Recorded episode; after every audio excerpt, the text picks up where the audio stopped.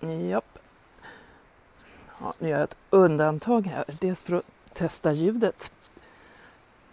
Jag är inte hemma, så jag är borta. Och det här är, vad heter det, mobillursmikrofonen. Då tänkte jag kunna passa på att prata om rökning. Jag röker inte i min studio. Rökning är ju ohälsosamt. För att inte säga farligt. Så rökare är således dödsföraktande, modiga och tuffa. Själv har jag valt att vara feströkare, vilket är jävligt smart eftersom det är i princip ofarligt i jämförelse med att vara kedjerökare. Fast det ser lika tufft ut. Och eftersom jag är en människa med positiv livshållning så gör jag en väldigt generös tolkning av det redan från början tänjbara begreppet fest. Livet är en fest. Dessutom kan man genom att vara feströkare göra tråkig vardagstristess till fest. Som att vänta på bussen. Man ser tuff ut och så kommer bussen fortare. Ibland får man vänta länge men tänk hur lång tid det hade tagit om man inte hade rökt.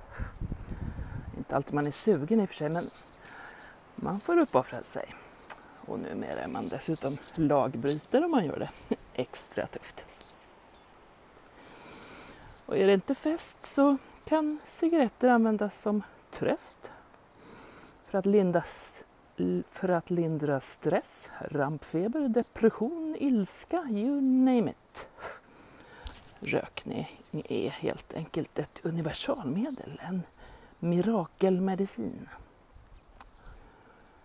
Ja, ja, då kan du ju säga att det handlar om placebo, men i så fall så är väl rimligen skadeverkningarna också placebo. Ha. Dessutom är ju själva rökningen en närmast utrotningshotad sedvänja. Herregud, dagens ungdom har ju knappt några förebilder bland rökarna. För mig och andra mer erfarna och kulturhistoriskt kunniga är det ju en självklarhet att rökning förknippas med elegans, estetik och stil.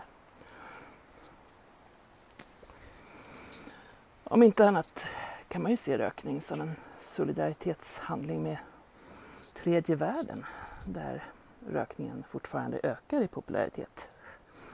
Eller som en demonstration av klassmedvetenhet eftersom det ju i vårt överupplysta västerländska samhälle är arbetarklassen, de arbetslösa och sjuka som håller cigaretternas rökplym högt.